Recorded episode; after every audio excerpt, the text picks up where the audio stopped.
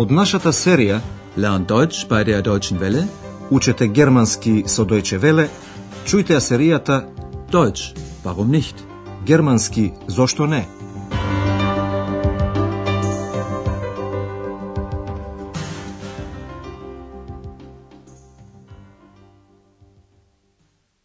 Liebe Hörerinnen und Hörer. Добар ден, почитувани слушателки и слушатели. На ред е 21-та лекција под наслов Јас бев во Есен. Ich war in Essen. Се сеќавате ли на последната лекција? Таму господин Мајер беше болен. Доктор Тирман го прегледа и установи дека има грип.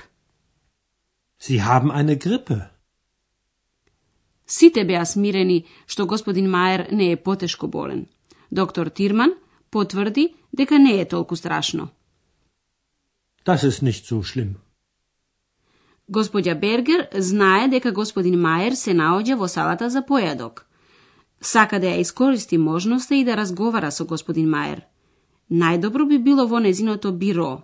Бюро. Ваша задача е да откриете како ја успева на господја Бергер да го доведе Мајера во бирото. Guten Morgen, Herr Meier. Guten Morgen. Sind Sie wieder gesund? Ja, danke. Gott sei Dank.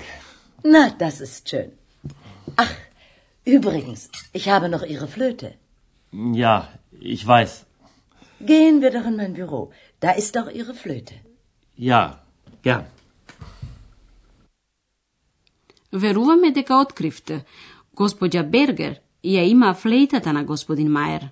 Неа ја стави на сигурно место во бирото. Токму таму сака да му ја врати на господин Мајер. Во почетокот, таа се распрашува дали господин Мајер е здрав. Gesund. Дали сте пак здрав? Sind Sie wieder gesund? Тој е здрав, за задоволство на господја Бергер. Па тоа е убаво. Na, das ist schön. И сосема случајно ја спомнува флейтата. А, инаку, ја имам вашата флейта. Ach, übrigens, ich habe noch Ihre Flöte. Таа љубезно го замолува. Да појдеме во моето биро.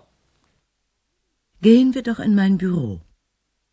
Како причина наведува, таму е вашата флейта. Da ist auch Ihre Flöte. Секако дека господја Бергер е заинтересирана да дознае зошто господин Мајер исчезна без да плати. За да ја олесни целата ситуација, таа вели. Знаете, тоа беше чудно. Wissen Sie, das war seltsam. Господја Бергер раскажува за незините мисли. Знаете дека тоа беше еден ден пред тоа. Поради тоа, господја Бергер раскажува во минато време, во претеритум. При тоа ја употребува глаголската форма во претеритум. Беше. Ва. Ваша задача е да откриете како завршува разговорот. Wissen Sie, das war seltsam. Ihr Zimmer war leer, alle Sachen waren weg, Sie waren weg. Und ich habe nicht bezahlt. Ich verstehe Ihr Problem. Na, dann ist ja alles gut. Entschuldigen Sie bitte. Ich bezahle sofort. Веројатно разбравте дека господин Мајер сака да плати. Пред тоа, господја Бергер раскажа за незините проблеми. Вашата соба беше празна и вие бевте заминат со вашите работи.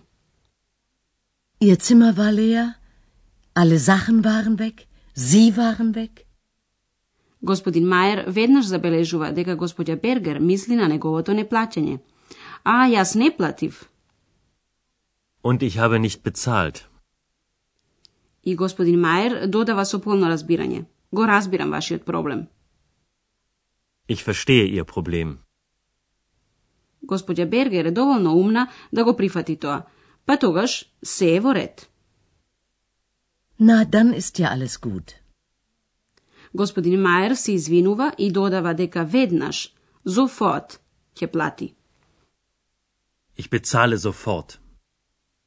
Господин Мајер очигледно има уште нешто да каже. Станува збор за Кавга, Штрајт и градот Есен, кој се наоѓа на околу 100 километри од Ахен. Бидејќи настанот се одвиваше во минато, господин Маjer глаголот има, haben, го употребува во претеритум hatte и hatten. Од наредниот диалог треба да откриете кој живее во Есен. Also, ich war hier in Aachen. Ja, ich weiß. Ich hatte ein Konzert in Aachen. Ach, interessant.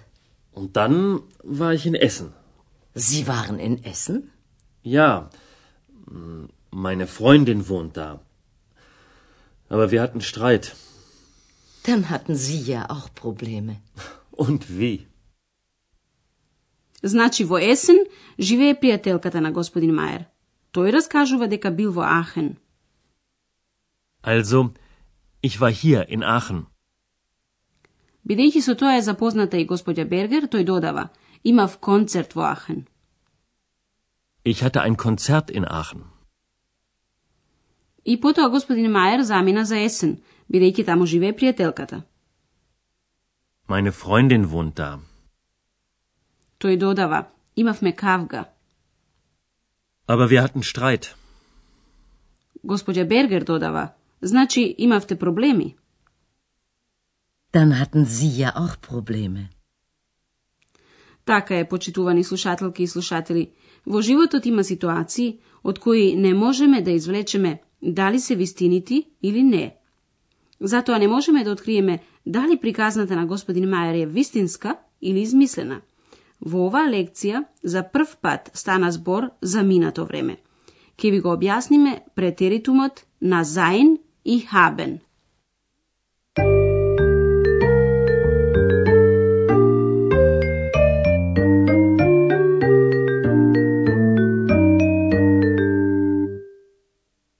Во почетокот, прво и трето лице еднина на глаголот sein. Во претеритум гласи war. War. Ich war in Essen. Ihr Zimmer war leer. Глаголската форма во формално обраќање со зи гласи waren. Waren. Sie waren in Essen. Трето лице множина во претеритум гласи waren. Alle Sachen waren weg. Претеритум од глаголот haben во прво лице еднина гласи hatte. Hatte. Ich hatte ein Konzert. Глаголската форма во формално обраќање со зи гласи hatten. Hatten. Dann hatten Sie ja auch Probleme. Исто така и претеритум во прво лице множина гласи hatten. Wir hatten Streit.